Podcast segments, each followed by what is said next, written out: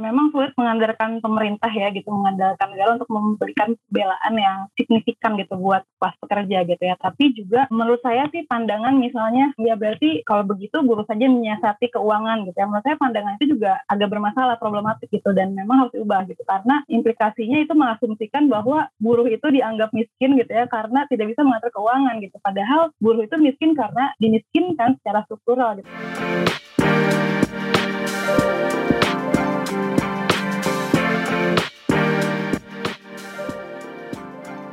Hai sahabat TCID, kalian sedang mendengarkan podcast Suara Akademia.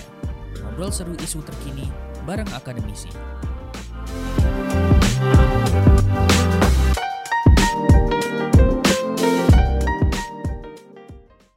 Hai sahabat TCID, pada episode ini kita akan ngobrol tentang jaminan hari tua dan juga tentang jaminan keamanan pekerjaan bersama dengan akademisi kita dari BRIN nih, Mbak Fatimah Filzah Izzati. Episode ini akan dipandu oleh saya, Anggi, sebagai editor bisnis dan ekonomi dari The Conversation Indonesia. Halo Mbak Filzah nih panggilannya ya. Mbak Filzah, apa kabar Mbak Ya, Filzah? Halo Kak, baik-baik. Alhamdulillah baik. Uh, Mbak, kita kan akan ngomongin jaminan hari tua nih Mbak. Beberapa pekan lalu kan sempat keluar aturannya bahwa pekerja tidak bisa lagi mengambil tunjangan ini walaupun mereka kehilangan pekerjaan karena tunjangan ini hanya dibatasi bagi mereka yang sudah memasuki usia pensiun atau usia 56 tahun gitu. Dan kemarin sempat protes keras juga ya, ada demo di depan Kemenaker ya. Kemudian juga pada akhirnya pemerintah itu mengeluarkan jaminan kehilangan pekerjaan dan mungkin di sini nanti Mbak Filzah bisa juga ya mengurai tentang kurang lebihnya jaminan kehilangan pekerjaan ini gitu. Nah, boleh ya langsung kita masuk ke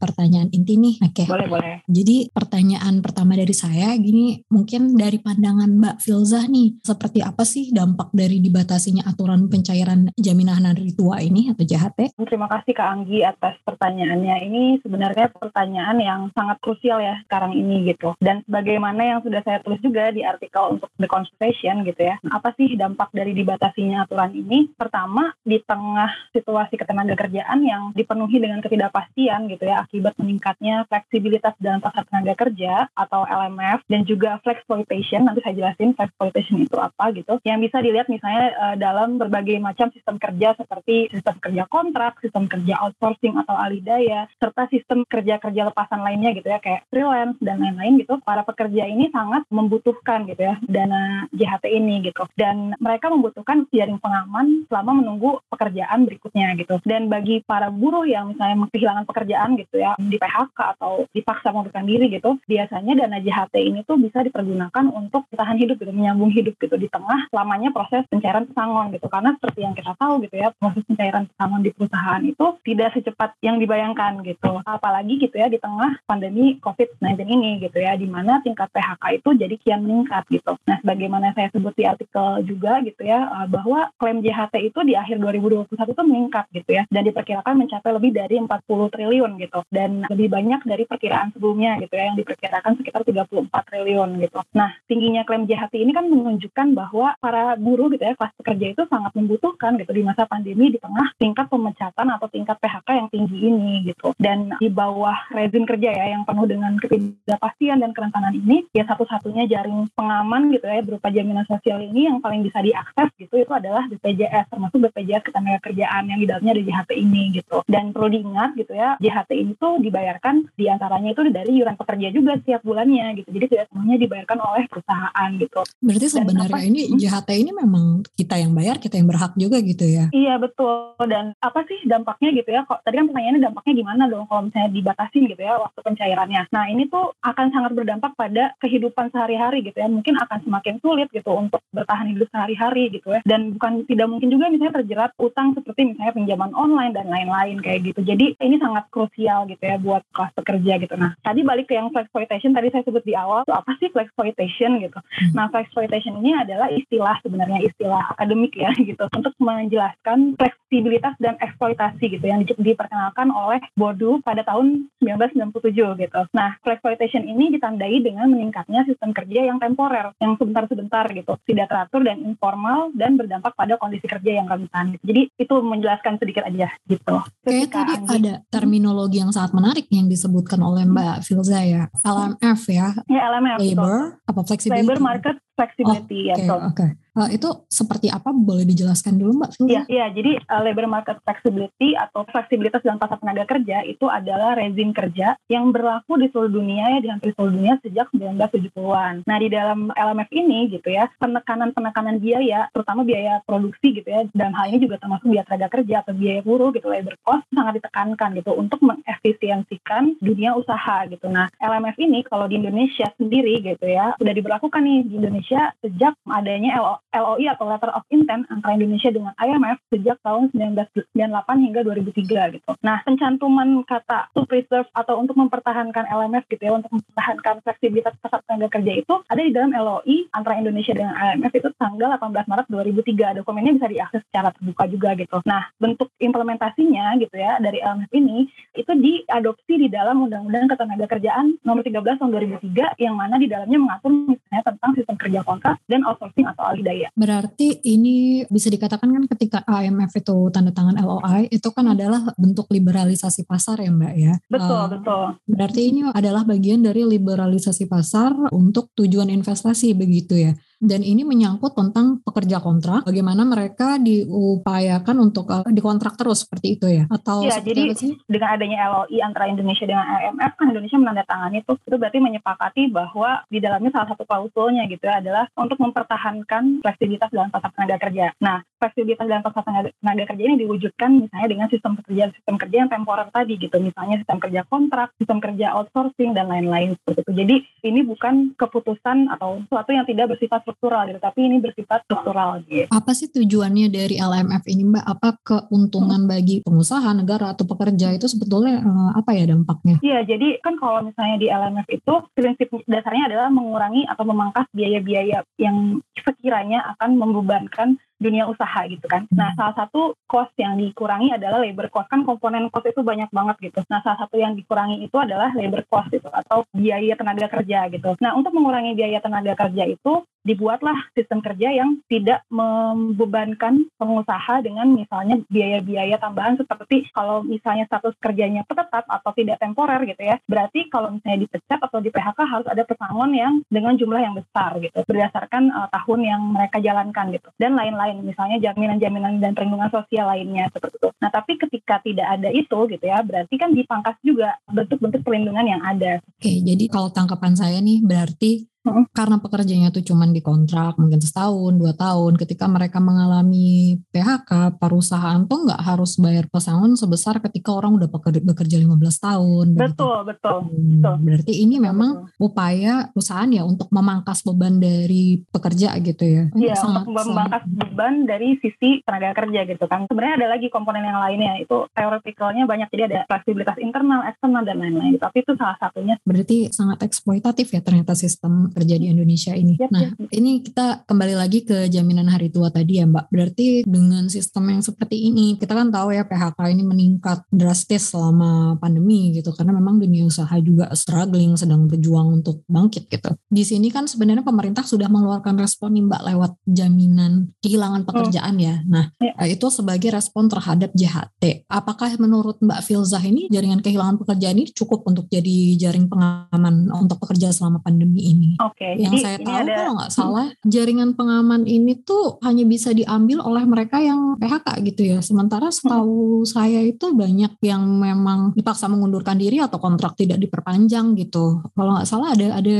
kebijakan itu deh bahwa hanya bisa diambil oleh orang yang menyertakan surat PHK kalau tidak salah ya. Betul betul. Jadi kita urutkan dulu ya sebenarnya apa sih JHT sama JKP ini karena kan banyak yang bingung nih di luar sana gitu ya. Apa sih maksudnya gitu? Sebenarnya kan JHT atau jaminan hari tua ini merupakan salah satu komponen ya di dalam BPJS Ketenagakerjaan gitu. Nah, dan JHT ini diatur di dalam Undang-Undang FJSN gitu. FJSN itu Sistem Jaminan Sosial Nasional gitu. Nah, sejarah pembentukan dari UU FJSN ini tuh panjang banget dan kompleks gitu ya. Dan ini karena melibatkan banyak perlibatan juga di dalamnya gitu ya. Dan gerakan sosial dan gerakan masyarakat gerakan rakyat itu juga berdebat dengan kencang juga soal ini gitu ya. Karena FJSN ini merupakan bagian tadi dari liberalisasi pasar keuangan dan reformasi jaring pengaman juga gitu. Nah pergulatan-pergulatan di dalam pembentukan undang-undang FJSN ini gitu ya sebenarnya berujung pada tahun 2011 itu ada namanya Komite Aksi Jaminan Sosial. Um, itu menuntut segera dimunculkan jaminan sosial gitu ya meski dengan situasi yang tadi ya liberalisasi dan lain-lain kemudian sebagian besar ditanggung buruh karena iuran ya based on iuran pekerja gitu kan berdasarkan iuran gitu dan lain-lain. Karena pada saat itu banyak perusahaan yang tidak membayarkan iuran jam sostek. Jadi keberadaan untuk diimplementasikannya pun didesak gitu karena pada saat tidak ada jaminan yang bisa benar-benar diakses oleh masyarakat luas gitu ya termasuk buruh gitu. Nah sementara itu gitu ya kalau JKP sendiri itu kan diatur dalam Permenaker 15 2021 ini kebijakan yang cukup baru gitu ya karena dia adalah produk turunan sebenarnya dari Omnibus Law Undang-Undang Cipta Kerja gitu. Tapi gitu ya, meskipun berbeda nih landasan hukumnya gitu ya, sebenarnya secara teori keduanya itu merupakan bagian apa yang disebut dengan flex security. Nah, flex security ini adalah istilah yang menjelaskan kemunculan beragam bentuk program jaminan sosial dengan mempertahankan fleksibilitas pasar tenaga kerja atau flex exploitation yang tadi sudah kita bahas gitu. Nah, di dalam flex security ini gitu ya fleksibilitas pasar tenaga kerja itu dipertahankan. Jadi gak dihilangkan gitu ya tapi dipertahankan dan ditambal dengan beragam bentuk jaminan. Seperti ya ini jaminan kehilangan pekerjaan jaminan misalnya ketiadaan pekerjaan jam pengangguran misalnya dan yang lain-lain untuk mereka yang paling rentan gitu. Nah ini saya baru menyadari soal flex security ini setelah membaca kajian-kajian yang dikeluarkan oleh Helit misalnya gitu. Saya jadi teringat oh iya ada flex security ini ya gitu. Dan di Indonesia sendiri memang flex security ini diambil dari upah buruh juga kan. Tadi yang saya udah bilang saya melalui iuran BPJS TK yang dibayarkan setiap bulan itu kan dari upah yang didapatkan oleh pekerja. Presentasinya ada tuh uh, dari pekerja sekian persen dari pengusaha sekian persen. Nah kebanyakan juga banyak juga pengusaha atau perusahaan yang tidak membayarkan itu kan. Jadi murni dari kerjanya. Banyak juga yang seperti itu gitu. Nah pertanyaannya tadi dari Kanggi kan apakah JKP itu cukup gitu ya untuk jaring, jaring pengaman gitu? Nah seperti yang udah dibilang oleh Kanggi tadi juga gitu ya bahwa saat ini memang uh, banyak yang mengalami PHK gitu ya. Tapi karena PHK-nya ini seperti apa gitu ya di tengah pandemi ini dan juga sebenarnya fenomena yang sudah terjadi sejak lama gitu ya karena JKP hanya bisa diakses oleh mereka yang sudah di PHK sementara lebih banyak gitu ya kelas pekerja atau kaum buruh itu yang dipaksa untuk mengundurkan diri gitu dipaksa untuk di PHK gitu ya dengan berbagai macam alasan modus dan lain-lain gitu ya. Dan ini merupakan tadi gitu ya modus dunia usaha untuk menghindari biaya pesangon juga gitu ya. Dan juga yang kedua banyak juga uh, yang tidak bisa langsung mengakses PHK gitu ya pastinya karena banyak proses-proses PHK yang harus melewati mediasi-mediasi hukum misalnya atau proses-proses yang panjang seperti harus melewati persidangan di pengadilan hubungan industrial dan lain-lain gitu. Jadi akses dari JKP untuk para pekerja yang mengalami PHK ini dipertanyakan gitu. Apalagi misalnya kalau di aturannya kita baca kan JKP bisa diakses jika misalnya pekerja itu sudah membayar iuran minimal 6 bulan sebelum di PHK gitu. Nah terus pertanyaannya kalau misalnya dipecat sebelum 6 bulan gimana? Saya tiga bulan aja kontraknya gitu. Karena banyak yang seperti itu gitu kan di semua sektor ya termasuk sektor yang misalnya freelance dan lain-lain gitu. Itu bagaimana gitu? Apakah bisa mengakses JKP gitu. Dan kemudian belum lagi yang banyak tadi ya perusahaan yang belum tentu mendaftarkan buruhnya ke BPJS ketenaga kerjaan gitu. Dan itu juga jadi banyak problem sehingga ini dipertanyakan banget nih JKP ini benar nggak bisa melindungi yang paling rentan tadi gitu. Jadi gini, ini kan berarti kita lihat bahwa ini kan kondisi pandemi, yaitu hmm. banyak yang kehilangan pekerjaan begitu. Tapi sangat disayangkan program-program tunjangan dari pemerintah itu ternyata tidak bisa mendukung sebagai jaring pengaman ketika masyarakat tengah menganggur gitu ya. Nah, misalnya ini tadi JHT dibatasi tapi JKP juga tidak menjawab karena hanya mereka yang sudah dapat surat PHK yang bisa dapat. Padahal orang-orang misalnya sebenarnya dipaksa mundur gitu ya. Hmm. Nah di tengah kondisi yang carut marut seperti ini, dalam pandangan saya ini kita jadinya nggak bisa mengandalkan pemerintah ya nggak sih gitu. Hmm. Nah jadi dari sini ada nggak sih dari uh, Mbak Filza masukan buat pekerja sebenarnya bagaimana mereka bisa mempersiapkan diri dalam situasi seperti ini tanpa adanya dukungan dari pemerintah yang mumpuni. Apa saja sih langkah yang bisa mereka lakukan lakukan gitu ya? Mungkin kita di sini menyentuh ranah literasi keuangan nih atau seperti apa gitu dalam pandangan Mbak Filza? Apa yang bisa hmm. dilakukan hmm. pekerja? Iya, memang sulit mengandalkan pemerintah ya gitu, mengandalkan negara untuk memberikan pembelaan yang signifikan gitu buat kelas pekerja gitu ya. Tapi juga menurut saya sih pandangan misalnya ya berarti kalau begitu buruh saja menyiasati keuangan gitu ya. Menurut saya pandangan itu juga agak bermasalah, problematik gitu dan memang harus diubah gitu karena implikasinya itu mengasumsikan bahwa buruh itu dianggap miskin gitu ya karena tidak bisa mengatur keuangan gitu gitu. Padahal buruh itu miskin karena dimiskinkan secara struktural gitu. Di antaranya melalui tadi ya exploitation, security yang tadi gitu. Jadi kalau saya sih tidak ingin membebankan penderitaan yang sudah ditanggung gitu ya akibat exploitation, security tadi sebagai derita buruh masing-masing gitu ya. Dan yang bisa dilakukan adalah memang susah gitu ya mengandalkan pemerintah tapi terus untuk negara untuk memenuhi tanggung jawabnya dalam memberikan perlindungan sosial yang layak untuk semua rakyatnya gitu. Nah kalau di dalam konteks pas pekerja melalui serikat-serikat kerja misalnya seperti itu gitu. Dan terkait dengan literasi keuangan ini menarik ya memang karena belakangan memang muncul ya banyak motivasi gitu ya untuk memberikan literasi keuangan untuk buruh gitu. Mungkin niat di balik itu baik-baik aja sebenarnya gitu kan untuk memberikan siasat keuangan gitu ya supaya buruh tidak terjebak pinjol dan lain-lain mungkin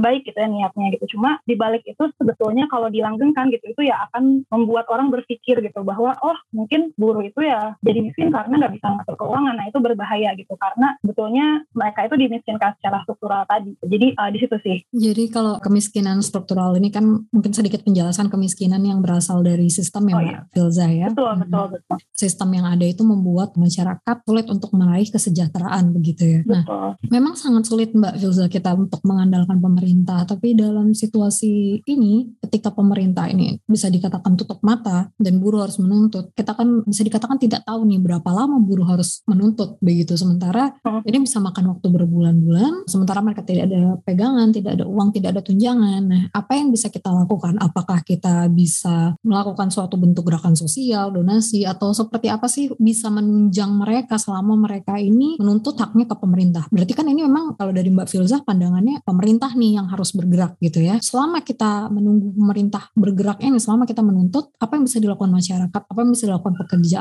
Iya, sebenarnya kan udah banyak terjadi juga ya donasi atau solidaritas dari sesama orang yang tertindas gitu ya, solidaritas saling bantu. Misalnya di berbagai platform ya kita bisa lihat bagi rata, kemudian karya kasa banyak banget lah platform uh, solidaritas yang bisa kita lihat gitu ya bentuknya bahwa oh yang memang memikirkan nasib kita ya kita masing-masing gitu ya. Jadi negara memang sudah abai gitu dan itu memang sudah terjadi gitu ya solidaritas antar warga gitu. Nah cuma memang solidaritas antar warga ini kan ibaratnya memadamkan kebakaran ya. Jadi dia tidak bisa menangani sumber apinya yang strukturalnya itu seperti apa gitu. Kalau kebakaran hutan misalnya kan ya dimatikan tapi apa sih penyebab dasarnya itu kan memang harus dicari gitu. Nah, mungkin bisa membantu tapi tidak boleh berarti di situ sih menurutku ya. Gitu. Jadi mungkin bisa terus menggalang kekuatan untuk menuntut sistem jaminan sosial yang lebih adil gitu ya, yang lebih bisa bermanfaat buat lebih banyak orang gitu. Terutama misalnya tidak ditarik dari iuran pekerja gitu ya, tidak berbasis uh, iuran gitu ya. Dan juga kan kalau kita lihat sebenarnya bisa juga gitu ya dengan pemerintah itu berinisiatif kan tugas mereka kan dibayar oleh rakyat itu untuk memikirkan gitu ya. Jadi memang wajar kalau mereka diandalkan karena memang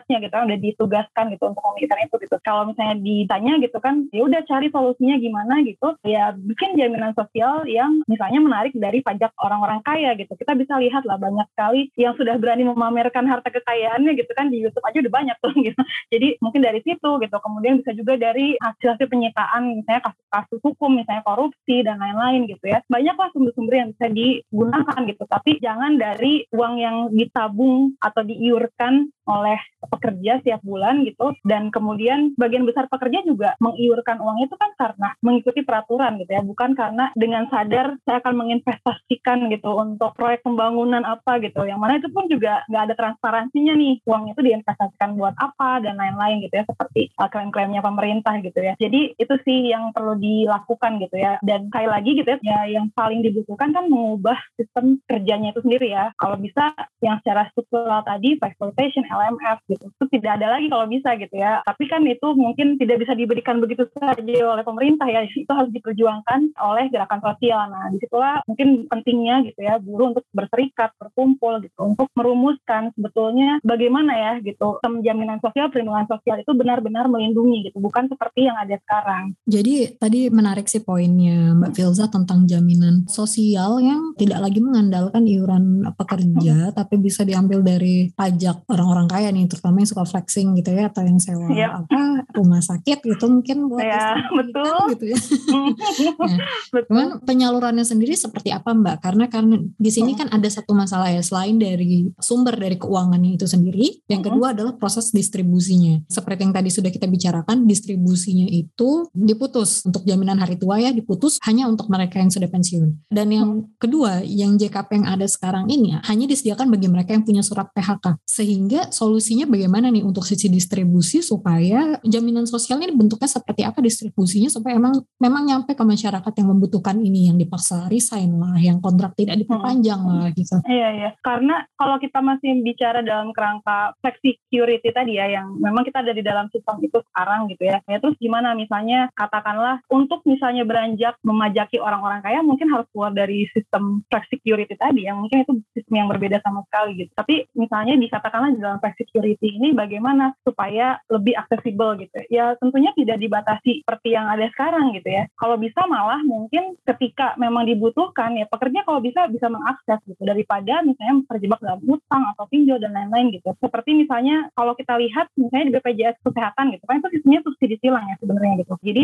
kita semua membayar iuran gitu ya dan kalau nggak sakit ya alhamdulillah berarti nggak usah menggunakan gitu ya. Tapi kalau yang sakit bisa mengakses itu dengan mudah gitu. Tapi kan pada kenyataannya akses itu juga tidak semudah itu kan banyak syarat-syarat misalnya ada yang kartunya belum aktif lah atau harus mengurus administrasi lupa bayar iuran, tidak bisa bayar iuran dan lain-lain gitu. Itu kan juga banyak syarat-syaratnya gitu. Nah, mungkin selain problem batasan waktunya juga syarat-syaratnya itu mungkin bisa dipermudah gitu ya dalam mengakses itu gitu. Karena di kita kan di Indonesia ini problem administrasi birokrasi yang berbelit-belit gitu itu kan memang juga menjadi salah satu penyebab gitu ya. Dan yang terakhir mungkin juga soal ini kan sebetulnya dirumuskan secara top down ya polisinya ini gitu. Jadi tidak berangkat dari kebutuhan yang memang dibutuhkan secara real gitu di dalam kehidupan para pekerja atau masyarakat yang mayoritas 99% ini secara umum gitu ya. Jadi uh, mungkin mungkin bisa dibuat rumusan yang baru mungkin gitu ya untuk safety net atau jaring pengaman yang bisa benar-benar menjawab kebutuhan real yang ada dialami oleh pekerja gitu ya. Kalau ini kan memang karena top down policy gitu ya, jadi pasti ada celahnya gitu ya dan uh, udah saatnya memang memikirkan keluar dari jebakan uh, jaminan sosial di bawah flex security ini gitu. Jadi memikirkan jaminan sosial yang sepenuhnya ditanggung oleh negara gitu, tidak dibayarkan berdasarkan iuran, kemudian juga syarat-syarat yang mudah gitu, kemudian tidak membebankan gitu ya syarat-syaratnya tersebut dan bisa mencakup banyak aspek yang berdasarkan pada kebutuhan yang memang real dibutuhkan oleh mayoritas rakyat gitu. Tadi saya sebut 99% itu maksudnya mayoritas rakyat masyarakat kerja gitu ya. Jadi mungkin itu dulu kali ya tiga hal yang perlu digarisbawahi gitu. Mungkin kalau mau keluar dari jebakan flex security ini gitu. Agak penasaran dengan istilah flex security ini flex dari hmm. flexible dan security gitu ya atau Iya, iya, flex ya, security okay. ya. Ada pertanyaan muncul nih barusan nih Mbak. Kalau misalnya syarat dipermudah, ya kita tahu sendiri sih sebenarnya syarat sulit ini memang ada pertimbangan sendiri sih pastinya tentu. Misalnya kita ngomongin kayak kartu prakerja, nah itu kan di situ juga banyak masyarakat akal gitu yang sebenarnya mereka tuh tidak terlalu membutuhkan itu tapi mereka join gitu lah. Uh, jadi seperti apa persyaratan-persyaratan kita kan tadi kan ngomongin masalah distribusi ini kan ada syarat yang kayak tadi harus punya kartu PHK gitu. Kalau misalnya dia bisa diambil sewaktu-waktu ini kan apalagi kalau misalnya uangnya dari tax dari orang kaya gitu ya. Kalau bisa diambil sewaktu-waktu ini kayak di bank ini kan tentunya harus ada sistem lah ya Mbak yang memperkuat yang memungkinkan orang tuh tidak memanfaatkan ini di luar dari kebutuhan yang seperti ketika mereka kehilangan pekerjaan gitu, resign atau apa. Sistem seperti apa yang dibayangkan Mbak Filza untuk mencegah kenakalan-kenakalan ini terjadi kalau tanpa syarat-syarat yang menyulitkan tadi? Hmm, ini kan sebenarnya kita berandai-andai keluar dari jebakan tax security nih ya gitu. Jadi katakanlah gitu perlindungan sosialnya udah ditarik dari pajak orang-orang kaya, kemudian syaratnya juga mudah gitu dan bisa bisa diakses dengan mudah lah gitu dan dibuat berdasarkan kebutuhan yang real gitu. Ya, kuncinya ada di, di poin yang ketiga itu kan dibuat berdasarkan kebutuhan yang real itu gitu. Ketika itu sudah dirumuskan secara bottom up otomatis tidak mungkin lagi ada yang tidak sesuai dengan kebutuhan gitu. Jadi di situ menyatu gitu logikanya. Jadi kalau misalnya dibilang gitu ya, kalau kita mau keluar dari security ini gitu ya, ketiga hal itu harus jadi satu gitu. Jadi kalau misalnya syaratnya dipermudah, ya tentunya gitu ya. Kan selama ini kan logika pasar atau yang neolib ini kan selalu mengasumsi kan guru tidak bisa mengelola keuangan, terus juga tidak bisa mengalokasikannya dengan tepat dan lain-lain gitu ya. Nah itu karena juga dibuatnya kan secara top down gitu. Tapi kalau dibuat secara bottom up polosinya itu kan tentunya sudah dirumuskan berdasarkan kebutuhan yang real sehingga ketika syarat dipermudah dan sudah diakses ya tentu itu akan dipergunakan untuk kebutuhan-kebutuhan yang sudah di list itu gitu. Jadi itu menyatu ya sepertinya seperti itu dalam bayangan saya gitu. Tapi ya sekarang ini kan karena masih flex security gitu ya kita masih ada di dalam itu karena LMS-nya juga dan exploitation-nya masih berjalan terus ya otomatis kita minimal gitu yang bisa kita lakukan. Kalau untuk menuntut negara menerapkan sistem jaminan sosial perlindungan sosial dari pajak orang-orang kaya mungkin bukan jangka pendek gitu ya tapi jangka menengah atau jangka panjang gitu ya. Tapi yang jangka yang pendek kan mempermudah syarat misalnya itu bisa dilakukan gitu ya. Tidak mempersulit seperti aturan Permenaker 2 2002 ini gitu ya. Jadi itu yang bisa dilakukan gitu. Nah yang ketiga yang bottom up policy ini ya juga tentu merupakan jangka menengah atau jangka panjang ya gitu. Kalau jangka pendek tentunya oh, agak sulit ya membayangkan mewujudkan itu sepertinya masih sulit sulit gitu ya di tengah rezim yang seperti ini gitu. Jadi menurut saya sih yang paling bisa sekarang ya setidaknya syaratnya dipermudah lah gitu. Jangan malah dinaikkan gitu jadi 56 tahun gitu. Itu yang bikin masyarakat jadi marah juga gitu ya. Rasa-rasanya mendengar Mbak Filza ngomong ini jadi ingin ikut mendobrak sistem gitu ya. Tadi iya, ayo kita bareng-bareng. Ini kan tadi sempat disebutkan pasar yang neolib gitu ya. Mungkin bisa sedikit yeah. penjelasan pasar neolib yang dimaksud ini neoliberal ya adalah yeah. pasar di mana minim intervensi pemerintah begitu kan ya. Berarti memang solusinya adalah harus ada perbaikan di rezim LMF tadi, labor market flexibility, flexibility ya. ya. Ya, harus ada perubahan dari secara struktur itu tadi bagaimana supaya pekerja ini tidak lagi dipotong-potong, kontrak-kontrak terus-menerus tanpa ada jaminan menjadi pekerja tetap atau di PHK atau dipaksa untuk mundur, resign gitu kan ya. Karena untuk melihat dari bottom up ini sendiri dari bawah ke atas ini kan berarti kan intervensi pemerintah butuh besar di sini. Berarti kita iya. emang di harapan jangka panjang ini kalau saya lihat dari penjelasan Mbak Vilza dari tadi, emang kita harus ngebrak sistem ya Mbak ya mungkin. Betul, betul. Dan memang neolib ini kan sebetulnya intervensi negara itu minim untuk kesejahteraan masyarakat itu. Tapi sebetulnya negara itu sangat memfasilitasi atau sangat mengintervensi kepentingan dunia usaha sebetulnya gitu. Kalau kita lihat kan seperti omnibus law gitu kan itu diciptakan untuk memfasilitasi itu gitu dan lain-lain gitu. Jadi uh, yang kita butuhkan memang intervensi dari negara yang besar untuk kepentingan kesejahteraan masyarakat banyak. Tidak seperti yang sekarang untuk kepentingan segelintir aja gitu atas nama pembangunan dan lain-lain. Oke, okay. terus mungkin aku agak flashback tadi ke belakang ya. Mbak Filza sempat menyebutkan soal platform yang sudah ada dari gerakan-gerakan hmm. sosial. Tadi ada beberapa nama yang hmm. disebutkan, mungkin saya agak nggak nangkap, tapi oh, mungkin iya. boleh boleh dijelaskan Mbak platform-platform ini seperti apa kerjanya gitu, operasinya hmm. seperti apa gitu. Dari yang saya tahu aja ya, misalnya ada platform bagi rata gitu. Nah di platform bagi rata ini para pekerja khususnya para pekerja lepas gitu ya, para pekerja pekerja freelance atau mereka yang bekerja di sektor-sektor yang bisa dikatakan terinformalisasi gitu. Itu mereka mengemukakan kesulitan keuangan mereka gitu di dalam platform itu dan nanti uh, warga yang lain atau masyarakat yang lain saling membantu dengan berdonasi di sana. Jadi saling bantu sih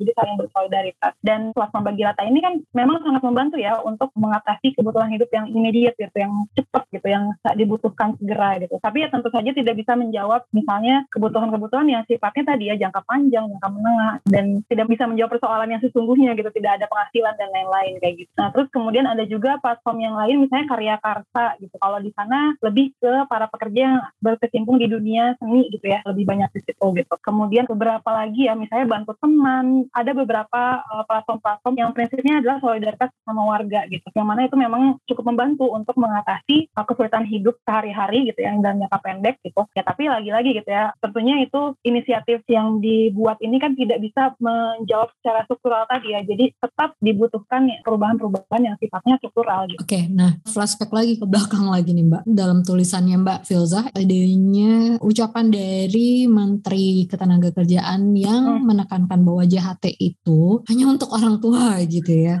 Nah, iya. ini tuh seperti apa yang dimaksudkan? Maksudnya kadang-kadang kita kan nggak tahu kita kapan meninggal gitu ya Mbak ya.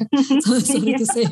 Cuma kalau kita sendiri yang membayarkan iuran, kita nggak tahu kapan kita bisa ambil itu gitu. Apakah alasan ini sebenarnya sudah cukup kuat dan masuk akal untuk memotong potensi penggunaan JHT? Ataukah memang JHT ini emang perlu dikembangkan, dievolusikan aja sekalian menjadi jaminan kehilangan pekerjaan tadi, tapi dengan syarat-syarat yang hmm. lebih ini? Karena memang kalau dari namanya memang ya memang itu jaminan hari tua sih gitu ya. Hmm. Masa yang ngambil orang 30-an gitu. Apakah nggak sekalian aja ini dikembangkan gitu. Saya melihat ada overlapping banyak sekali nih. Ada jaminan untuk uh, mereka yang sudah pensiun yang nanti dibayarkan tiap bulan. Ada jaminan hari tua. Ini apa sih sebetulnya ini bedanya lagi dengan hmm. yang tadi. Terus eh, ini jaminan yeah. kehilangan pekerjaan. Apa nggak sekalian diubah aja nih gini JKP itu hmm. hmm. seperti ini.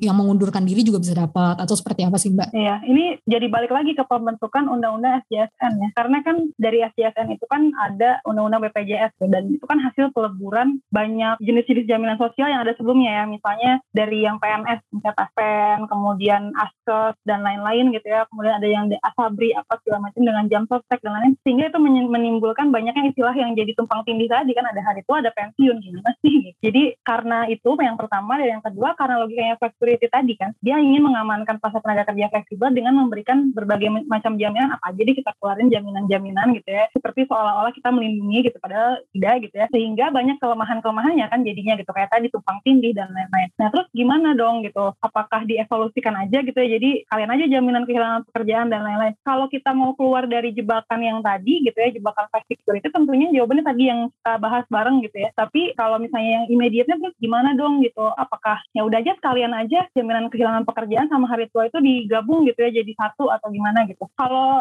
menurut saya sendiri sih penamaan itu kan sering sering kali dijadikan dalih ya untuk membuat jaminan sosial jadi semakin terjangkau dan jadi semakin jauh nggak aksesibel gitu. Jadi penamaan ini mau sebagus apa pun pada akhirnya tergantung isinya nggak sih tergantung regulasi nanti terapannya seperti apa gitu. Nah seperti tadi misalnya JKP gitu terdengar bagus gitu ya tapi kan ternyata banyak celahnya gitu dan kemudian kalau yang jaminan hari tua kan sudah ada peraturan yang membolehkan kerja mengambil ketika resign atau dipecat atau di PHK gitu ya sudah aja dipertahankan gitu. Kenapa harus dinaikkan gitu syarat umurnya gitu? Kenapa harus seperti itu gitu? Sehingga memang sepakat dengan isi petisi yang sudah ditandatangani 400 ribu lebih orang ini gitu ya bahwa ya ini harus ditolak gitu peraturan taman ini harus ditolak gitu karena JHT ini sebelumnya memang ada kenyataannya gitu ya digunakan untuk jaring pengaman selama pekerja itu menunggu pekerjaan berikutnya gitu. Menantikan dapat job lagi atau bahkan ada juga yang membuka usaha kecil-kecilan dan lain-lain gitu. Sehingga kalau misalnya dihambat aksesnya ini nunggu 56 tahun ya mungkin tidak sama sekali tidak menjawab kebutuhannya dari pekerja itu sendiri gitu ya. Dan terus bagaimana dong gitu ya. Udah ditolak aja permenaker yang ini ditolak gitu yang nomor 2022 ini gitu. Dibuat aksesnya lebih mudah gitu tidak dibatasi 56 tahun. Dan untuk yang jaminan kehilangan pekerjaan ini dipertimbangkan gitu di klausulnya perlu didetailkan gitu ya. PHK itu seperti apa gitu? Apakah harus dapat surat PHK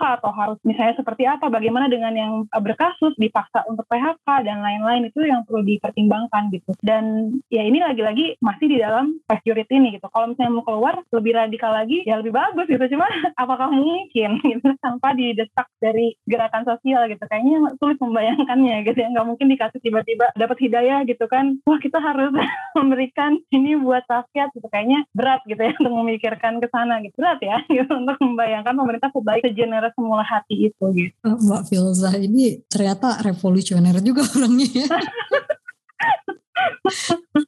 kita dukung gerakan buruh. Nah, iya kita dukung.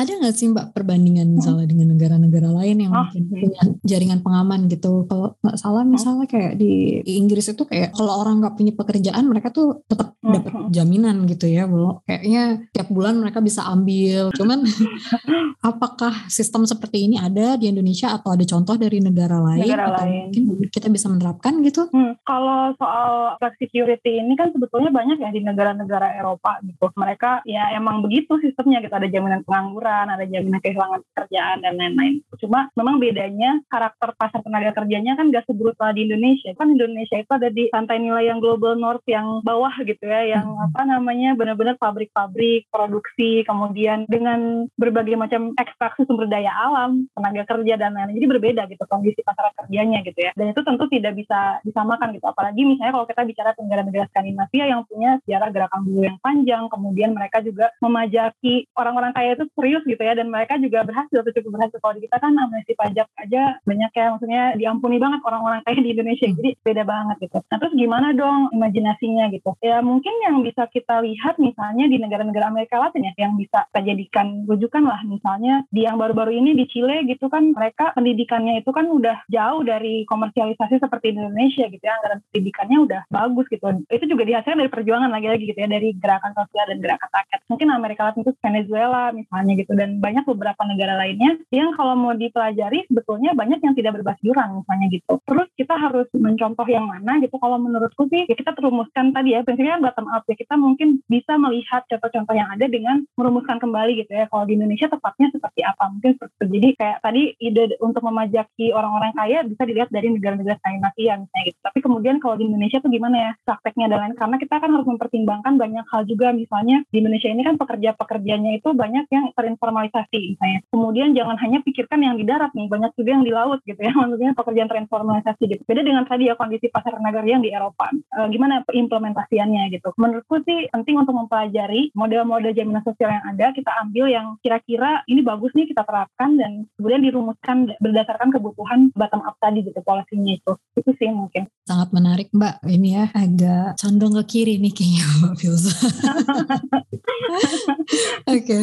ini menarik sekali obrolan dengan Mbak Filza hari ini. Kalau saya boleh rekap sedikit, sebenarnya permasalahan utama kita itu bukan sekadar pada tunjangan yang ada, tapi pada sistem kerja yang berlaku, yang berbentuk labor market flexibility ini. Dan ini adalah bentuk dari tahan dari uh, sistem neoliberalisme yang mana minim memang minim intervensi dari pemerintah. Dan ini membuat walaupun kesejahteraan yang diutamakan, tapi ujung-ujungnya jadi kesejahteraan pengusaha nih yang diutamakan gitu. Jadi bagaimana supaya beban usaha ini enggak terlalu tinggi, beban dari tenaga kerja inilah yang dikurangi lewat sistem kontrak yang terus-menerus begitu ya. Nah, dengan absennya sistem jaringan pengaman di Indonesia ini, yang perlu dilakukan di sini mungkin adalah pembuatan kebijakan yang bersifat bottom up. Jadi memang betul-betul menyesuaikan dengan kebutuhan pekerja, kemudian juga membentuk jaringan pengaman yang syaratnya tidak berbelit-belit dan gampang diakses lah tepatnya seperti itu. Yang mana iuran itu jangan datang dari pekerja, tapi datang dari pajak yang dibebankan lebih tinggi ke orang-orang yang kaya. Instead of malah memberikan amnesti pajak seperti itu ya. Yang sangat penting nih saya garis bawah ini, tidak segampang itu untuk kita bisa, oke okay, literasi keuangan nih buat buruh. Karena itu sesuatu yang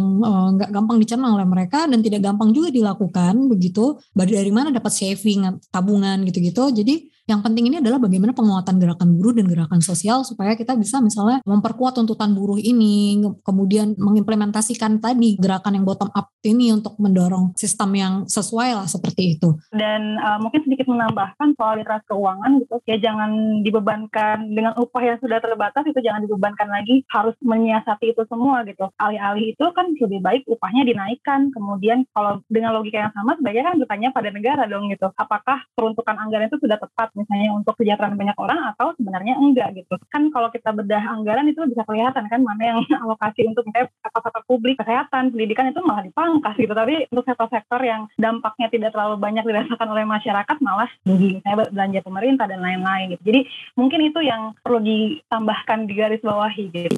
Aku lihat aku melihatnya ini ada empat langkah nih Mbak dari Mbak Filzah. Yang pertama perbaikan jaminan sosial, yang kedua penguatan gerakan buruh, yang ketiga membentuk sistem yang bottom up, yang keempat sekalian revolusi gitu ya Mbak ya.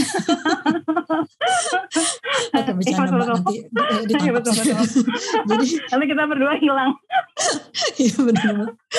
Oke, Mbak Filza makasih banget nih udah ngasih mengasih ilmu, ngasih wawasan nih ke kita hari ini. Uh, juga Kanggi. Teman-teman jangan lupa ya follow The Conversation Indonesia di berbagai platform kita ada nih. Di Twitter ada, Instagram ada, di TikTok pun ada. Buat Mbak Filza nih, kita kita bisa follow di mana nih Mbak? Bisa oh, ada. mana? Di Instagram sama Twitter mm -hmm. Fatima Filza. Jadi Fatima F A T H I M A F I L D Z A. Oke, okay. bisa dicek juga di artikel kita nih penulisan yang ya, benar ya apa. Betul, okay. betul. Nah, mungkin sekian dulu teman-teman dari saya dan Mbak Filza. Ini sekali lagi terima kasih banyak nih Mbak informasinya. Buat teman-teman ya, juga amin, jangan amin. lupa untuk stay tune ya untuk mendengarkan suara akademia. Ya, terima kasih.